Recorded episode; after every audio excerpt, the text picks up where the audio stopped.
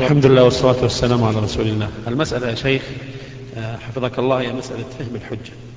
آه، فشيخ الإسلام حفظه الله وكذلك ابن القيم وابن العربي المالكي آه، رحمهم الله.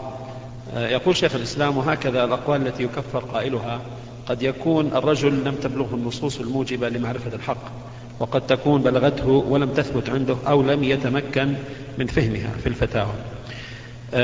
اختلف الدارسون لكتب الشيخ الإسلام محمد بن عبد الوهاب رحمه الله في هذه القضية أيضا. وحاولت أن أفهمها وتيسر الله ويسر الله لي بعض النقولات الخفيفة التي سأعرضها عليكم ليتجلى الأمر آه، أكثر وضوحا. رأى بعض طلبة الشيخ حفظه رحمهم الله أن الشيخ لا يشترط لقيام الحجة فهمها من فضل ونقلوا عنه يعني آه، بعض النقولات منها فإن حجة الله كتب الشيخ الإسلام محمد بن عبد الوهاب رحمه الله في هذه القضية أيضا. وحاولت أن أفهمها وتيسر الله ويسر الله لي بعض النقولات الخفيفة التي سأعرضها عليكم ليتجلى الأمر آه، أكثر وضوحا. رأى بعض طلبة الشيخ حفظه رحمهم الله أن الشيخ لا يشترط لقيام الحجة فهمها ونقلوا عنه آه، يعني آه، بعض النقولات منها فإن حجة الله هو القرآن فمن بلغه القرآن فقد بلغته الحجة. وقيام الحجة وبلوغها نوع وقد قامت عليهم أي الكفار والمنافقين وفهمهم إياها نوع آخر. ثم وجد نص آخر للشيخ رحمه الله في رسالة للشريف يقول فيها وإذا كنا لا نكفر من عبد الصنم الذي على قبة عبد القادر والصنم الذي على قبر أحمد البدوي وأمثالهما لأجل جهلهم وعدم من ينبههم وفي رواية عدم من يفهمهم من يفهمهم. ثم في قول آخر فإذا كان المعين يكفر إذا قامت عليه الحجة فمن المعلوم أن قيامها ليس معناه أن يفهم كلام الله ورسوله مثل فهم أبي بكر الصديق رضي الله عنه بل إذا بلغه كلام الله ورسوله وخلى من شيء يعذر آه، به فهو آه، كافر. وآخرها ما وقف على كلام للشيخ أخرجه محمد رشيد رضا في طبعة الرسائل النجدية وليس المراد بقيام الحجة أن يفهمها الإنسان فهما جليا كما يفهمها من هداه الله ووفقه وانقاد لأمره. فالرجاء البيان. الله. الذي نرى أنه أن الحجة لا تقوم إلا إذا بلغت المكلف على وجه يفهمها. لكن نعرف أن أفهام الناس تختلف. من الناس من يفهم من هذا النص معنى جليا مثل الشمس ومعنى لا يحتمل عنده أي شك. ومن الناس من يفهم النص فهما أوليا مع احتمال شك في قلبه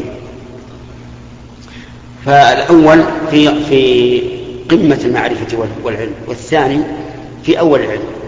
والثاني قد قامت عليه الحجة لا شك لأنه فهم منه ما ما يراد به لكن ليس على الفهم التام الذي فهمه الطائفة الذي فهمته الطائفة الأولى كأبي بكر وعمر. وأما من بلغه النص ولكنه لم يعرف منه معنى أصلا كرجل أعجمي فهم النص أو بلغه النص باللغة العربية ولكن لا يدري ما معنى هذا النص فهذا لا لن تقم عليه الحجة بلا شك.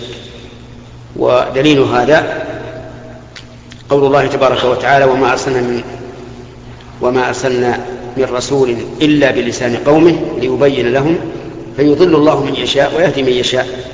أي بعد البيان بهذا اللسان الذي يفهمونه يضل الله من يشاء فلا يقبل ويهدي من يشاء فيقبل. وأي فائدة لرجل آه لرجل أعجمي يقرأ عليه القرآن باللسان العربي وهو لا يدري ما هو. أنت الآن لو لو أتى إليك رجل أعجمي وأنت عربي لا تفهم الأعجمية ثم كلمك بخطبة آه، خمس صفحات أو أكثر لا تفهم منها شيئا إطلاقا. فكذلك العجم بالنسبة للعرب. فالذي نرى أنه لا بد من بلوغ الحجة وفهم معناها. على وجه لا يعذر على وجه يتبين له الحق. وأما قوله تعالى لأنذركم به ومن بلغ فلا شك أن القرآن نزل بلفظ ومعنى. فالمراد من بلغه لفظه ومعناه. أو ومن بلغ من أهل من أهل هذه اللغة الذين تقوم عليهم الحجة إذا بلغهم القرآن بمجرد وصوله إليه. وهذه القاعدة وهذا القول هو الذي تدل, تدل عليه الأدلة بخصوص بخصوصها وأدلة أخرى بعمومها مثل قوله تعالى لا يكلف الله نفسا إلا وسعها. وقوله فاتقوا الله ما استطعتم. ومن المعلوم أن من لا يعرف المعنى فإنه ليس بوسعه أن يقبله. لكن على من بلغه أن الرسول محمد صلى الله عليه وسلم قد بعث وأن دينه نسخ الدين كلها يجب عليه أن يبحث. وهنا قد يفرط في البحث فلا يكون معذورا لتفريطه.